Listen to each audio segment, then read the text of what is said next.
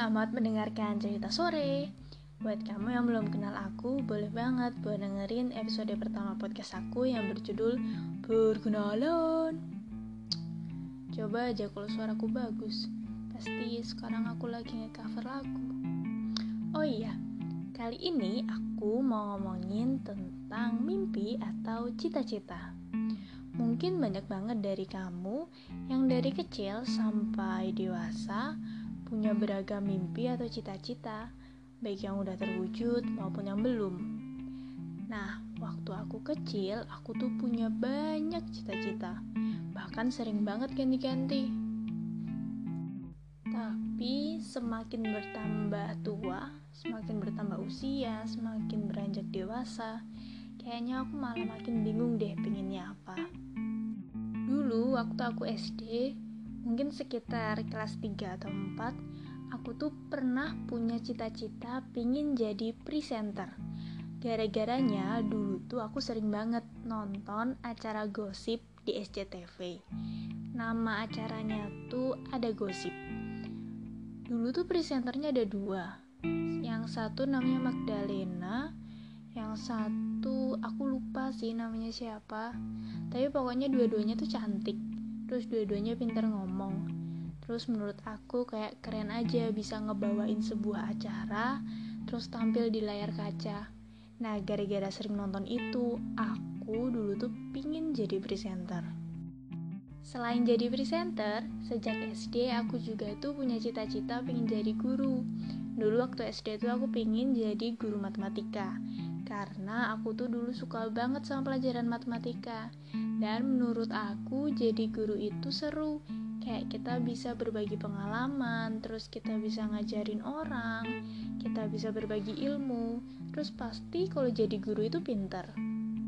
Terus semenjak aku masuk SMP aku tuh jadi suka baca. Dulu tuh aku sering baca komik novel cerpen atau dongeng gitu biasanya aku pinjem buku-buku itu di tempat peminjaman buku dekat sekolah Gak tahu sih sekarang masih ada nggak ya. Nah, komik kesukaan aku itu komik detektif Conan.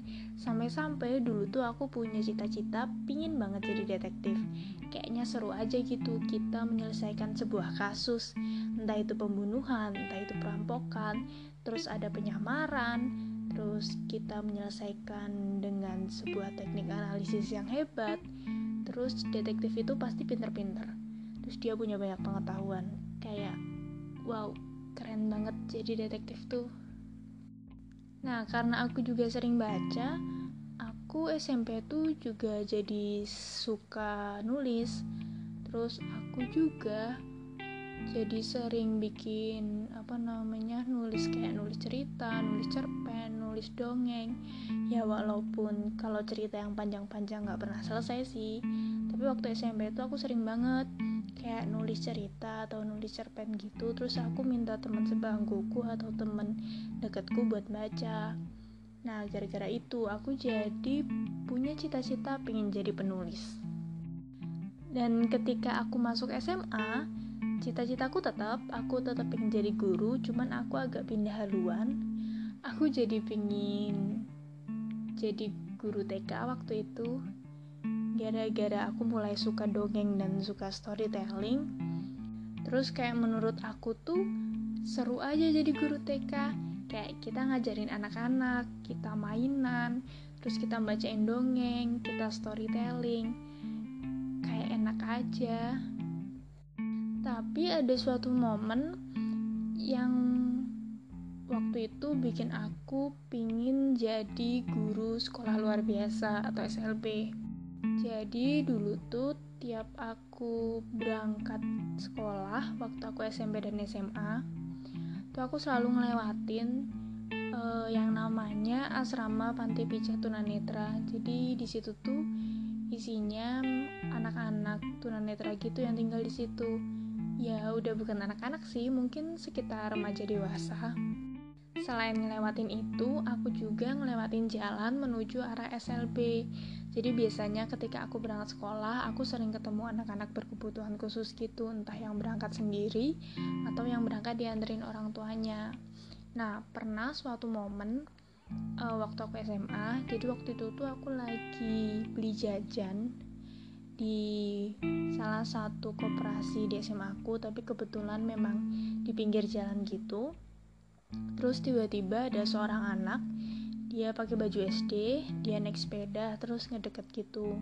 Nah ternyata anak itu tuh salah satu murid sekolah luar biasa.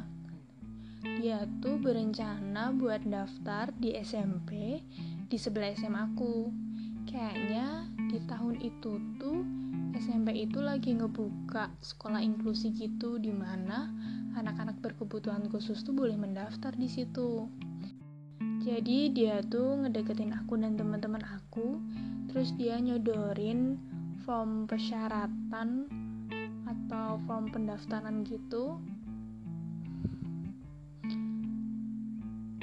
Jadi tuh ternyata anak itu tuh dia tunawicara, uh, dia bisu gitu kan terus dia uh, berbicara dengan bahasanya yang senangkapku tuh dia nggak paham tentang apa yang tertulis di persyaratan dan formulir itu.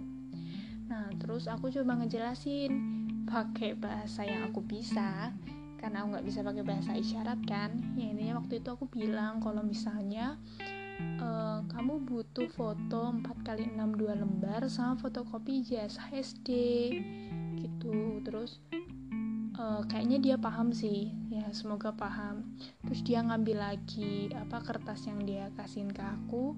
Terus dia naik sepeda terus dia pergi kayaknya pulang. Nah uh, gara-gara momen itu aku jadi mikir buat pingin lebih tahu atau belajar lebih tentang tentang hal kayak gitu. Kayak menurut aku orang-orang kayak gitu juga butuh butuh pengetahuan yang lebih luas terus butuh perhatian yang lebih. Dan dari situ aku sempat bercita-cita pengen jadi guru SLB bahkan guru SLB eh pendidikan SLB itu sempat jadi pilihanku waktu mas waktu pendaftaran SNMPTN waktu masuk kuliah. Cuma bukan pilihan pertama sih. Uh, pilihan pertamanya itu sebenarnya jurusan yang tidak begitu aku minati. Tapi memang grade-nya lebih tinggi dari itu. Dan ternyata ketika pengumuman SNMPTN aku diterima di pilihan pertama. Ya, pilihan aku berkuliah saat ini. Oh iya, aku juga tuh sempat punya cita-cita pingin jadi desainer. Gara-gara dulu tuh aku sering banget yang namanya ngide uh, apa ya bereksperimen dengan pakaian-pakaian. Jadi dulu tuh aku sering banget baju yang sebenarnya udah jadi udah bagus nih udah bener. Terus aku kreasiin kayak misal dari baju yang cuttingnya cuma lurus terus aku jahit-jahit aku bikin berkerut aku bikin ada pitanya atau aku bikin bentuk lain atau bisa juga tangannya aku potong. Terus pernah juga aku bikin kardigan dari pasmina tapi semuanya nggak pernah aku pakai sih karena ya gagal. Maksudnya ya nggak rapi dan jelek aja. Pokoknya nggak pantas kalau misalnya dipakai di dipakai di kehidupan nyata. Jadi kalau misalnya aku hitung-hitung selama aku SD sampai SMA aku sempat punya tujuh cita-cita. Yang pertama presenter, guru matematika, guru TK, guru SLB, penulis, detektif, desainer. Tapi kenapa justru sekarang ini aku malah makin bimbang nih aku pengen jadi apa? Oh iya, tahun lalu waktu aku lagi melaksanakan kuliah kerja nyata di salah satu desa di Kabupaten Pacitan kan banyak tuh program kerja yang kita adain di sekolah-sekolah terus sering banget kita nanya ke anak-anak kayak cita-citamu apa? gitu. Terus biasanya mereka jawab kayak pengen jadi polisi pengen jadi tentara pengen jadi dokter pengen punya toko pengen jadi pengusaha. Dan terus tuh ada satu anak namanya Chandra. Dia kelas berapa ya? Aku lupa sih kelas 2 apa kelas 3 terus waktu kita tanyain uh, cita-citanya apa dia tuh jawab dia pingin jadi supir tank. Nah supir tank di pikiranku tank itu tank tentara. Tank tentara yang warnanya hijau army terus ada tembakannya yang salah satu alusista tentara. Di pikiranku tuh supir tank itu. Terus kan aku tanya supir tank tank tentara Terus dia jawab, bukan, tapi supir tangki air. Kayaknya kedengarannya kayak lelucon ya. Tapi ketika kita tanya lah, kenapa pingin jadi supir tangki air? Dia tuh jawab, dia pingin jadi supir tangki air biar bisa ngirimin air-air bersih ke rumah-rumah warga. Soalnya di situ tuh susah banget air bersih. Aku jadi mikir kayak, wow, anak seumur itu udah berpikir tentang uh, tujuan dari cita-citanya. Jadi di desa itu tuh memang bisa dibilang uh, agak susah air bersih. Jadi kalau misalnya kemarau ya susah air. Terus kalau misalnya air PDAM atau pampun itu airnya warnanya agak coklat. Jadi biasanya rumah-rumah itu uh, punya sebuah kolam gede gitu buat nampung air hujan yang dia pakai buat keseharian. Jadi ya dari anak itu tuh aku mulai mikir bahwa ternyata nggak pernah ada ya mimpi yang sederhana. Bahkan mungkin di balik mimpi-mimpi yang kita anggap sebelah mata itu ada banyak banget alasan dan ketulusan di dalamnya. Kayak waktu kita masih kecil tuh kita kayak masih polos dan gak pernah takut buat punya mimpi atau cita-cita. Kita cuman pengen ngelakuin yang kita suka yang kita anggap bagus dan yang kita anggap itu keren. Bahkan mungkin waktu kecil kita nggak mikirin profesi-profesi itu tuh kendalanya apa gajinya berapa perjuangannya gimana dan apa yang harus kita lakukan.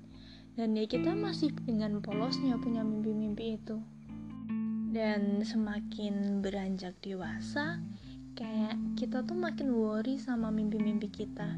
Kayak kita makin punya kekhawatiran. Bahkan gak sedikit dari kita yang pada akhirnya gak tahu pengen jadi apa. Padahal waktu kecil punya berjuta mimpi. Aku pun ngerasa bahkan sampai sekarang gak tahu aku pengen jadi apa. Padahal waktu kecil aku pengen ini pengen itu suka ini suka itu sekarang tuh aku ngerasa jadi kayak aku terlalu khawatir dengan pertanyaan-pertanyaan yang ada di pikiran aku. Dengan pertanyaan-pertanyaan aku bisa nggak ya? Aku pantas nggak ya? Mungkin nggak sih aku ngelakuin itu? Apa mungkin bukan itu ya? Tapi kalau jadi ini kan aku harus gini. Kayak banyak banget pertanyaan yang bikin kita tuh jadi stuck nggak ngelangkah dan cuman mengurus kekhawatiran-kekhawatiran itu. Dan ya ternyata mungkin hal itu wajar, karena setelah kita semakin dewasa, kita makin melihat banyak hal, kita makin mengalami banyak peristiwa, kita makin melihat banyak pengetahuan, kita makin mengetahui hal ini, hal itu. Jadi kayak mungkin makin banyak pertimbangan dari dalam diri kita. Ya, tapi apa pun itu, walaupun mungkin aku belum tahu sekarang arahku mau ke mana, aku tetap harus jalan kan, sambil nyari petunjuk di sepanjang jalan itu. Sampai akhirnya aku berharap aku akan tahu tujuanku ke mana dan mau ngapain. Dan kalau kamu sekarang udah tahu mimpimu dan pengenmu apa, terus kejar dan berusaha ya. Karena nggak ada kok mimpi yang sederhana, nggak ada mimpi yang bodoh, dan nggak ada mimpi yang bisa dijadikan bahan lelucon. Karena semua mimpi itu sebenarnya besar, karena di dalamnya tuh digantungkan beragam alasan dan ribuan harapan. Jadi, jangan takut bermimpi ya.